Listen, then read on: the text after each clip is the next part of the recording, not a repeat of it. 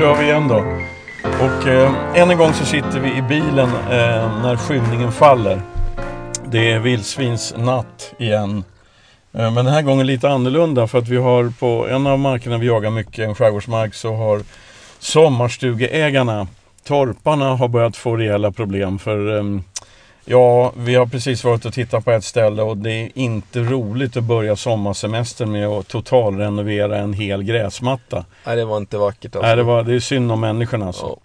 Ja. Eh, Så vi har, vi har, eh, vi ska försöka hjälpa dem. Vi har satt upp en kamera och vi har eh, riggat lite småfällor till vildsvin. Alltså inte fällor som slår igen utan matfällor, matlock till vildsvinen.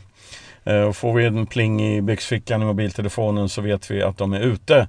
Min gode vän den jagande veterinären och jag är nämligen så att sitta stilla länge är liksom inte vår melodi.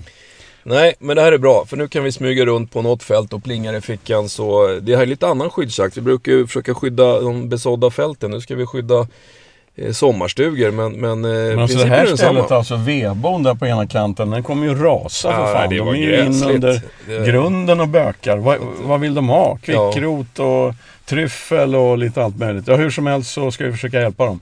Men eh, vi går direkt på tungt allvar här. För att eh, mm, både Björn och jag såg en siffra som väckte vissa frågor. Eh, Det är nämligen så att ett av de stora försäkringsbolagen, mm, det största som försäkrar hundar, som jag tror får typ 50% av marknaden, har gått ut officiellt och sagt att det är 200, är det dödade eller vildsvinsskadade? Skadade. 200 vildsvinsskadade hundar i hela Sverige. Det är fullkomligt fel. Det måste vara fullkomligt fel. Och jag kan ju inte räkna överhuvudtaget. Matematik var aldrig min grej i plugget. Men min vän Björn, det är en jävel på statistik. Varsågod Lindevall. Ja tack. Nej men eh, vi har ju pratat om det här i flera år du och jag Peter. Alltså, för ett par år sedan så stod det någonstans runt 80 vildsvinsskadade hundar. Och, och jag vet ju hur det är på, på det djursjukhuset jag jobbar. Hur mycket vi får in varje jaktsäsong. Så jag tänkte, det här kan ju inte stämma. Så, så jag, nu när jag såg den här siffran 200 så började jag fundera på vad, vad, kommer, vad kommer det här ifrån? Och, och det här stora försäkringsbolaget eh, har ju då som sagt 50-55% kanske av marknaden. Och när de säger 200 så innebär det då att ja, om man, alla försäkringsbolagen har ungefär samma frekvens av vildsvinsskador så skulle det vara någonstans ja, 350 skadade Fan, du är ju hundar. lite som min fru. Du kan göra två grejer samtidigt. Prata statistik och lägga in snus samtidigt. Ja, de har tränat mycket Bra på jobbat. det. Ja. Ehm, och så jag, jag blev lite nyfiken, så jag satte mig bara och räknade. Så jag satte mig ner i vårt journalsystem och tittade från 1 oktober till sista januari. Där jag kan säga att vi har 53 konstaterade, hundraprocentigt säkra vildsvinsskadade hundar som vi har behandlat hos oss. Eh, sen är det ett antal sådana här tveksamma som kommer in med sprätt eller skärskador av oklar bakgrund. Men 53 konstaterade. Och tittar man på det här då, och, alltså jag har ju svårt att tro att, att vårt djursjukhus skulle stå på, för 53 av kanske 300 350 skadade hundar i hela Sverige. Så jag började kika lite grann på hur det ser ut. 200 är det här, ah, det är försäkringsbolaget. Ja. Och räknar man ihop de andra mindre så Ja, blir så det... bör det bli någonstans ru- runt 350 kanske om man tittar på marknadsandelar och sånt Ja. där. Och så satt jag mig ner och tittade, då finns det jättefin statistik, allt går ju att hämta på nätet. Så enligt Jordbruksverket så finns det 948 000 hundar i Sverige. Oj. Eh, yes. Eh, och det finns till och med så man kan gå in och titta på hur de här är fördelade per län. Nu inser jag att det finns ju en del så kallade biaser här. Det finns en del felkällor. För det första så tror jag att 131 000 hundar i Stockholm har nog en ganska liten andel jakthundar. Det är kanske fler mopsar och pudlar och chihuahuor och sånt än, än, än vad det är i Ja, och, Jämtland. och tuffa schäfrar och vackra Ja. weimaraner och sånt. Så att, så att eh, en viss felkälla finns det här. Men den felkällan skulle å andra sidan tala för ännu fler vildsvinsskador när vi kommer till slutet. Så vad jag gjorde var egentligen att jag plockade bort alla länen som inte har några vildsvin att tala om. Eh, Typ Norrbotten. Norrbotten, eh, ja även Gotland faktiskt då. Och, och Jämtland, Västerbotten, Västernorrland och så vidare. Och då kom jag fram till att de län som håller gris i någon omfattning, de har ungefär 746 000 hundar. Fördelat på alla raser, både jakthundar och icke-jakthundar. Och det här skulle sen i sin tur då innebära att Östergötland, som jag härjar i, eh, vi har ungefär 39 000 hundar. Och tittar man då på andelen som, som eh, ja, och det, det är ungefär 5,2 procent av hela hundpopulationen i vildsvinstäta län. Okej. Ja. Så, och det innebär att då borde rimligtvis vi få 5,2% av de jaktskadade hundarna. Mm. Med 53 jaktskadade hundar, räknar jag baklänges så blir vår andel, då skulle, vi, då skulle bara det som vi behandlar skulle motsvara ja, nästan 1100 hundar skadade i hela Sverige. Nu tror inte jag att det djursjukhus jag jobbar på tar hand om alla vildsvinsskadade hundar i hela Östergötland. Jag vet att det inte är så.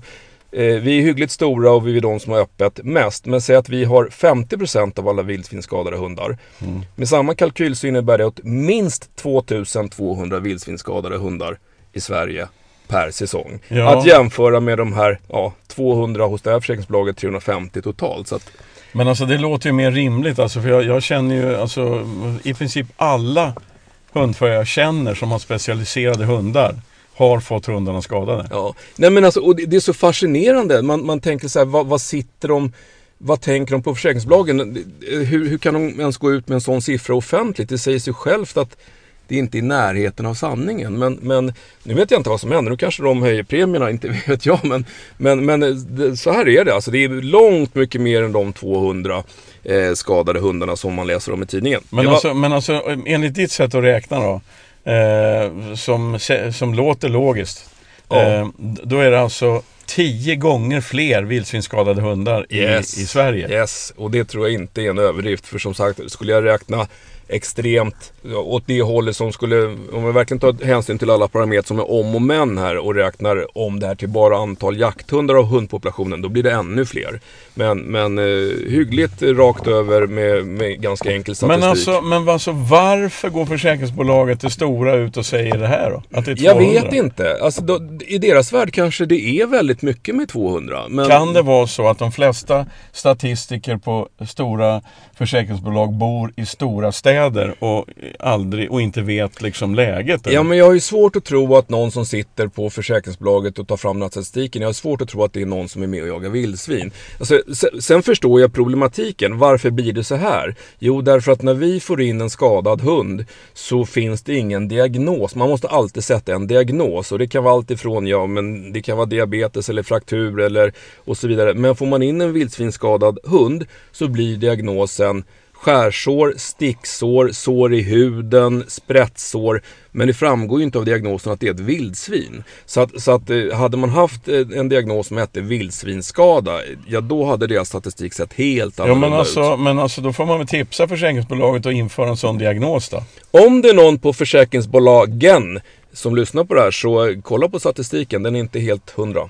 Lyssna på Lindevall. Skärpning. Ja. Skärpning. Bra, det var en liten utvikning men vi har diskuterat det här så mycket jag och Peter så att nu ville jag komma till någon typ av klarhet. Nu ska vi gå in på lyssnarfrågor och nu har vi en kille som heter Albin som har, det här är roligt, därför att den här killen har eh, skrivit ett långt och utförligt mail om han, sitt han, problem. Han har en mögvaktel, han skriver har, han själv. Ja, men en väldigt bra mögvaktel. ehm, det som är, varför jag tycker det är så kul är för att den här killen uppenbarligen lyssnat på, läst eller kanske rent har varit på kurs hos Peter. Han har en vaktel som han har, en treåring som han har tagit som en omplacering. Grym såthund, grym jakthund. Bra på alla sätt och vis och, och trevlig i hemmamiljö, går till, bra ihop med de andra hundarna. Det är ett enda problem med den här hunden. Och det är att han drar något så frenetiskt i sitt koppel på promenader. Och de bor på en mark med mycket, eh, mycket vilt runt omkring. Så husse skriver att han får till och med ta på sig eftersökshandskarna för att inte bli skinnflådd i sina händer. Och det roliga då, han har gjort allting by Peter Ekeströms bok. Eh, det vill säga han har provat med karbinhake, olika koppellängder, fart emot, spring åt andra hållet och så vidare. Hunden är väldigt lyhörd och följsam när det gäller allt annat. Men det här med kopplet och som husse avslutar att, eh, ja, alltså bortsett från, från en jättebra grundlydnad så, så eh, är, är det här enda problemet. Eh, och vad ska jag göra? Ska jag svara nu? Ja, nu ska du svara. Du ska får vi, inte ska upprepa. Ska vi inte jaga nu?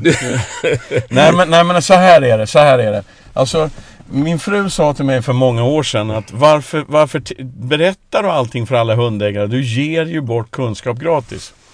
Mm, och, och, så kan det väl vara kanske, men, men, men det här är inte så lätt alltså. Teori är en sak och praktik en, en annan. Och grejen med hundar alltså, det är att man måste bedöma varje hundindivid för sig. Och när man ska använda de här teknikerna då som han har gjort då måste man anpassa det här hundspråket som jag kallar det, va? Den, den, de här fysiska signalerna till individ och retning, alltså störningen och situation, alltså omständigheter. Ofta blir det så, vi människor är ju vanedjur, alltså något kopiösa vanedjur. Jag brukar ta ett exempel att när du kommer hem ikväll Björn mm. och ska låsa upp ytterdörren, för vi kommer ut hela natten så familjen står över. Mm. Du ska låsa upp ytterdörren. Stopp, byt hand. För du har låst upp din jävla ytterdörr med höger hand, ja. alltså i 25-30 år. Ja. Och du kommer inte få in nyckeln i hålet med vänster hand därför att du är så otroligt fysiskt van. Alltså. Ja. Och imorgon bitti när du ska sätta på dig brallorna, stopp! Andra benet först. Mm. Du kommer välta. Mm. Därför att du är så van vid att köra höger eller vänster ben först. Mm. Eh, så att när man sätter igång med en sån här en sån här korrigeringsvariant som jag föredrar då, de, de fysiska signalerna och gå in framför och backa hunden bakåt och lite så. Mm, då gör man det på ett sätt och sen funkar inte det, ja då, då ökar man bara lite grann. Och då vänjer sig hunden vid det. Och sen ökar man lite till och lite till alltså så hunden hinner vänja sig. Så när man ska korrigera en hund i det här läget då måste man flytta upp, enligt mitt sätt att se här nu, alltså då måste man flytta upp värdet i korrigeringen skyhögt alltså. Mm. Skyhögt. Överraska hunden, chocka hunden genom att nu kan jag inte skrika i den här mikrofonen i bilen för då spräcker vi väl mm, liksom membranen här alltså. Men, men alltså mm, från att ha sagt nej så ska man säga nej. Om man uttrycker mig så. Så att mitt, mitt råd till den här killen, två råd alltså. Tre råd förresten, jag har ett råd till på slutet. Men de två första råden är följande. Alltså när den här vakt, mögvakten drar i kopplet. Nu, ja, det är han själv som kallar för mögvakten. Ja. Jag har helt andra åsikter om vaktlundan generellt. Men, men alltså när den här vakten drar i kopplet va. Då tar han ett djupt andetag, han kortar kopplet, hoppar in framför vakten med två decimeter koppel från handen ner till halsbandet och sen så tvingar han vakten bakåt i 200 meter. Mm. Det spelar ingen roll om vakten vänder rumpan till. Han mosar bara på med knäna, stirrar på hunden och bara tvingar hunden bakåt. Mm. Kopiöst långt En alltså. jättekraftig markering. En enkelt. otroligt kraftig mm. markering. Mm. Vakten kommer smälta, det kommer sluta med att vakten är som en liten Ja, alltså en liten våt pöl eller en tallrik gröt som någon har hällt ut på grusvägen liksom. Eh, men tricket är, när man har genomfört det där och liksom verkligen superkorrigering. Och tricket med det här är att du tar inte hunden, du skriker inte åt hunden, du är inte våldsam mot hunden utan det bara går emot den med våldsam beslutsamhet. Och när, man, när hunden är en våt fläck då, eh, då tvärvänder man och går. Man får inte stanna där och säga nu är du duktig, jag sa ju åt dig att men nu är vi mm. vänner, för då mm. fattar hunden ingenting. Utan man tvärvänder där och fortsätter att gå. Mm.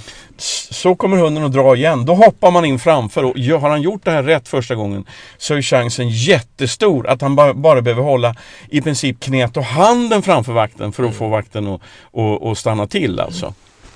Eh, sen, sen är ju bra hundar alltså. Det är min, min, jag har ganska bra hundar. Jag har jämtar. De är rätt så bra. Självständiga, tuffa hundar. Alltså liksom egna och liksom jag gör vad jag vill hundar typ. Så jag måste ju hämta hem den där lydnaden eller följsamheten en gång i veckan eller någonting. Mm. Och, men då behöver man inte backa hunden 200 meter. Då räcker, men bara man är bestämd och mm. tydlig. Alltså. Nästa tips är att han befäster hundens vilja att lyssna på honom i helt andra situationer först. Så att eh, det funkar jättebra i vardagen säger han ju. Allting funkar hur bra som helst. Ja, jag, jag kläm in där för jag tänkte faktiskt på det. Jag kanske inte var tydlig när jag sa det men, men jag har ju umgåtts mycket med dig och varit på både kurser och varit med när du har hållit kurser. Så jag har hört mycket av det du säger eh, och även praktiserat det. För att jag ser nu att husse skrev ju här, i förrgår hämtade jag hem en Theodor Då tänkte jag så här att precis det du säger nu att, att det, det finns ju alla andra situationer där han ska befästa sitt ledarskap och där det funkar, att göra det ännu tydligare och verkligen befästa ledarskapet. Det är inte lång tid som har gått. Ja, men alltså jag tror att den här killen är smart. Alltså han, han hämtar en vuxen vaktel som det inte är något fel på. Det är en jaktmaskin och då vill han bonda med den här vakten ja. för han vill ha vettig inkallning i skogen och han vill ha samarbete och så vidare. Och, och då släpper han på det. Vakten är en bra hund. Han tar för sig liksom och han vet att är jag schysst nu så får han köttbulle och det, allting. Det, jag tror att väldigt mycket är på vaktens villkor även i vardagen. Mm. Fast det inte ser ut så. Uh, men, och tredje tipset är kom på en kurs för fan så löser vi det där. Det var bra. Mm. Det var väl en bra slutkläm. Peter, så här mm. är det. Jag har kaffetermosen i kåpan. Vi, vi får ta en liten paus och så jag får hämta den och sen fortsätter vi alldeles, alldeles strax. Musik.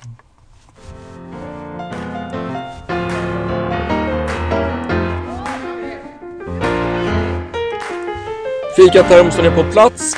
Du, vi måste sen, vi kan inte hålla på hur länge som helst natt för jag har kurs nio imorgon bitti alltså. Så vi lägger av i midnatt eller något. Eh, ja, då lägger, du stannar Du, du lägger väl av i midnatt då, så får vi se sen.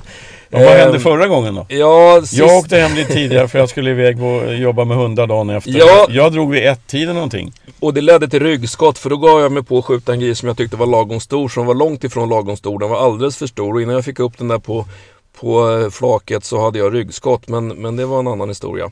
Smart. Eh, nej, inget. Jag gör inte om det ikväll. Eh, du, jag ska svara på en kort fråga om ett ämne som jag berört flera gånger. Eh, artroser, alltså benpålagringar i närheten av leder som kommer med åldern eller kommer till form av skada. Och eh, då har Jimmy skrivit här att jag befarar att min hund har början till artros som kom i höstas.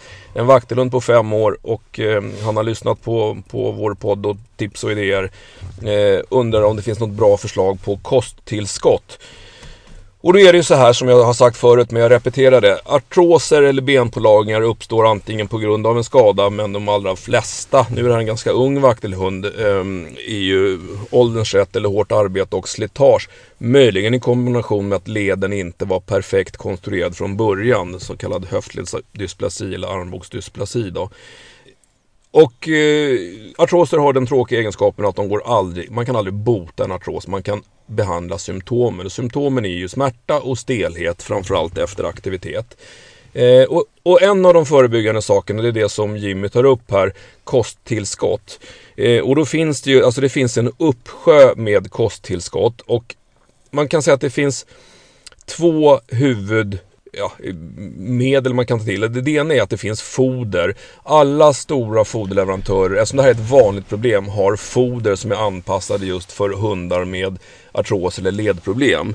Eh, och de in, har ju då en högre andel av bland annat fettsyror, eh, i vissa fall också sådana glukosaminer för att, att främja leden eller minska friktionen, minska inflammationen som uppstår i leden på grund av artrosen. Och sen finns det ju rena sådana här glukosamin Mm, aminotillskott, samma som man använder på människor. Och, och jag har ingen förkärlek för något fabrikat. Eh, det man ska veta om de där är att alltså det finns både i tablettform, det finns numera så stora godis eh, eh, ser ut som stora godisbitar och de brukar vara ganska poppis hos hundarna. Det man ska veta om dem, för det första, jag har själv en hund med artros. Hon käkar sådana, de är inte gratis. Eh, det andra är att man kan inte som en, en värktablett stoppa i dem och säga att det blev inget bättre. Alltså de behöver käka det här i flera veckor innan man kan se någon effekt. Och, och sen kommer ofta frågan, jag tyckte inte jag såg någon skillnad alls. Jag körde glukosaminer i ett halvår. Och, då, och det, är, det är en berättigad fråga, men det som ingen kan svara på, hur hade hunden mått utan glukosaminer? Den kanske hade varit ännu sämre. Så jag tycker, alltså det finns vetenskapliga studier som bevisar att de här kosttillskotten har en, en medicinsk effekt. Eh, sen kan de säkert ha olika bra effekt på, på olika individer, precis som alla mediciner. Men, men jag tycker definitivt att, att gå till en en, eh, din veterinär som säkert har ett antal olika sådana här preparat att välja på. Sen är det mest en fråga om tycke och smak eh, och naturligtvis prislapp. Men alltså jag har en fråga om det där och det, det är ju liksom, det handlar om smärta. Ja. Eh, och smärta hos hundar är säkert samma som människor. Alltså vissa, vissa hundar klarar smärta bättre än andra. Oh. Eh, men problemet med smärta är väl att, eller med artros är väl, alltså problemet växer om man inte använder leden. Yes. Så att har man ont och blir man stelare då vill man inte röra sig och så blir det en negativ spiral. Ja, och... Så kan man inte ge hunden alltså vad tror du om det här då? Ge hunden smärtstillande så att hunden jagar som fan och rör leden? Ja men alltså det, det är ju så att, att behandling av artroser det är ju Vi har tre verktyg att jobba med. Det ena är det här som Jimmy är ute och frågar efter. Eh, förebyggande. Definitivt eh, någonting som, som, eh, som jag rekommenderar. Det andra är ju det du är inne på, aktiviteten. Därför att det sämsta man kan göra med en artroshund är att tro att man kan vila den i form. Det kan man inte. Ju mindre den rör sig, desto större blir problemet. Större blir problemet för den kommer inte använda den här onda leden eller det onda benet på det sättet som den är tänkt att använda benet. Och det gör att den kommer tappa muskelmassa, den kommer tappa styrka i senor och ligament. Eh, och vilket gör att benet blir ännu svagare, man överbelastar andra benet ännu mer så man får en ond cirkel. Så att vi har ju två sjukgymnaster som jobbar hos oss och de jobbar ju till stor del med att få de här hundarna att arbeta med benen så normalt som det någonsin går. Man kan koppla på viktmanschetter och så vidare men att tro att man kan vila bort det, det går inte. Då lurar man sig själv. De ska vara aktiva. Och sen det tredje, smärtlindring. Ja, det, det sätter vi ju in då men, men nackdelen med smärtlindrande preparat är att Alltså vi har hundar som står på det dagligdags i flera år men det är ingenting vi vi, vi, slänger ut som första alternativ för det finns biverkningar med alla mediciner.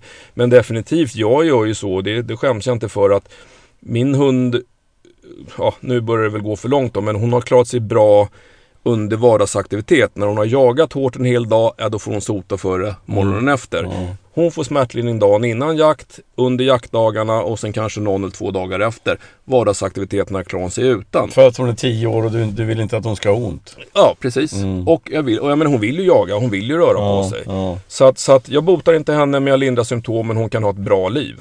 Men alltså ett sätt att förebygga det här problemet är väl att se till att hunden är jävligt vältränad året runt? Ja, så är det ju. Och sen är det ju, man kan ju tyvärr aldrig förebygga artroser fullständigt därför att vi har en del hundar. Det finns ju ett skäl till att vissa raser skall vara höftledsröntgade, skall vara armbågsröntgade för att gå i avel. Vi har ju vissa raser som har medfödda defekter och då är det en stor risk för att det utvecklas artroser oavsett hur mycket man jobbar och oavsett hur mycket hunden tränar. Mm. Jag tyckte så, så att, att det skulle bli ett kort svar här. Ja, nej men du hade ju så mycket följdfrågor. Nu får inte du fråga mig Peter, nu ska du få svara istället. Okej, okay, vad är det nu då? Eh, jo, nu ska du få svara på en liten, en liten söt fråga. Eh, om, eh, om en 17 veckor tysk jaktterrier. Man kan nästan bara där förstå vad frågan ska handla om. En Duracell-tysk. ja, det här är en, en liten tik som jag tolkar det hela rätt. 17 veckor tysk jaktterrier. Eh, som har, ja, Husse använder ordet Duracell här. Han försöker få henne att bli uttröttad, han försöker aktivera henne genom att gömma godis, han försöker gömma saker under prylar som hon måste flytta på och så vidare. Och han lyckas aldrig få hunden trött. Eh, hon har dessutom nu stått på två veckors vila för att hon hade en hälta som har gått över och det gör väl inte en 17 veckors valp mindre aktiv. Frågan är kort och gott, finns det något effektivt sätt att träna huvudet och piggheten, alltså få henne lite, lite trött helt enkelt? Nej. Nej. Jo, nej men, nej, men alltså. Eh, eh, jag kan bara tipsa om eh, några väldigt enkla sanningar. Och det, den första är ju att om han, om han aktiverar den här tysken genom att delta i det tysken gör, det vill säga slänga ut godbitar, så kommer tysken tillbaka, slänger ut en godbit till. Eh, och han liksom håller på själv och blandar, blandar sig i den aktivitet som hunden gör, alltså under tiden hunden gör ja, det. Um, det, det, kan ju stressa upp den här hunden för då, då um, förväntan är så hög. Så fort hon ser husse så ska hon så ska, hon, så ska någonting hända. Mm. Att hon, alltså det, fin- det är inte bara aktivitetsvilja, det kan vara lite stress där. Ja men husse brukar ju liksom. Så ja, fort man ser husse så. Uh, och den andra grejen är att det sägs, nu är inte jag någon expert på det där, men det sägs att en väldigt stor del av hundens hjärna är kopplad till luktsinnet. Mm. Och då snackar vi en tredjedel av hjärnvolymen typ. Mm. Därför är all form av nosarbete, alltså att använda luktsinnet, tar väldigt hårt mentalt på hunden. Men mitt råd är liksom då att, alltså att aktivering genom att hunden ska använda sitt luktsinne är det bästa för att trötta ut en hund alltså.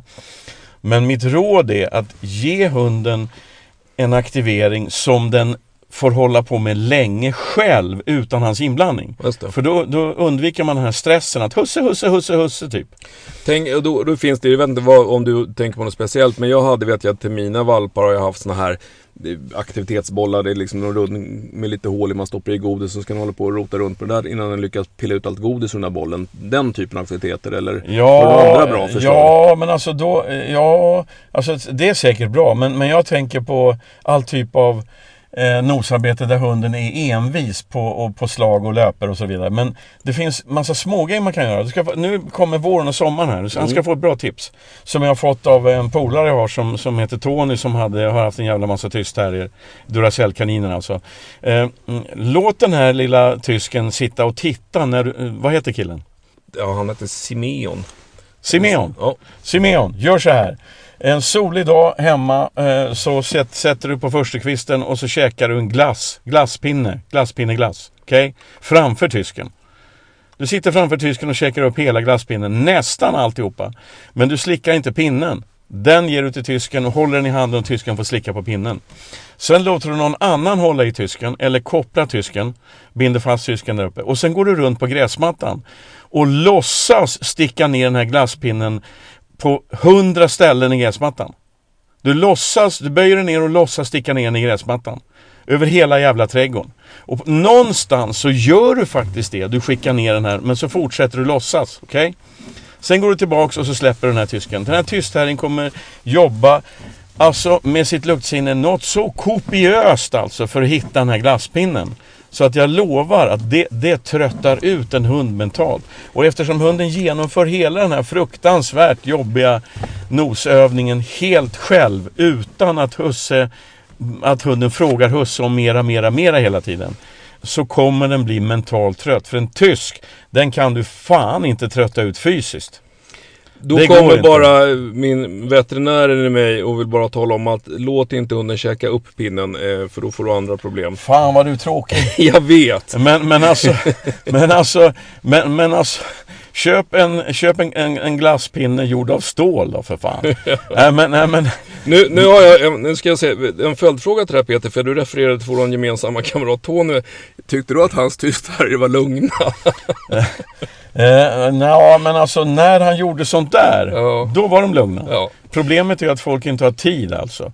Eh, Men, men eh, han hade ju en tystare som heter Bill som, som, som det, det var ju en legend alltså. ja. Men det, han var lite speciell. De andra tystherrar som jag har jobbat med, jag jobbar ganska mycket med tystherrar i och för sig.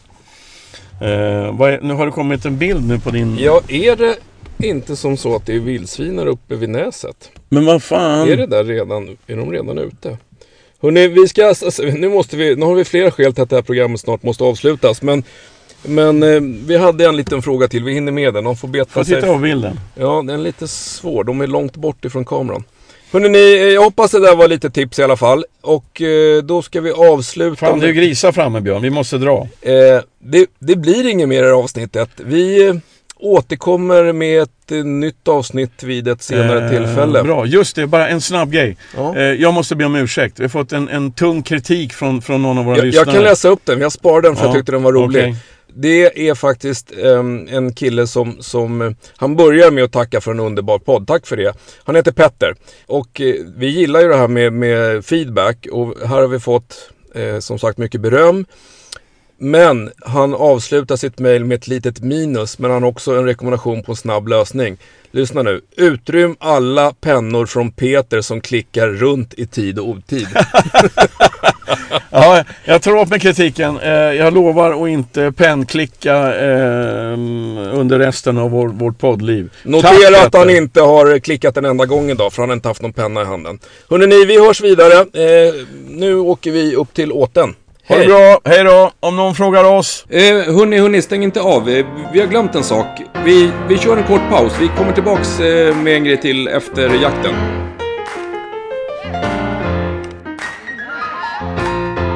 Ja, men det där gick ju bra. Både bra och dåligt och sen bra kan man säga. Ja, det var väl en bra sammanfattning. Det var ju, vi hade ju ett gäng galtar. Till slut fick vi tag på dem och eh, Björn sköt och jag sköt samtidigt.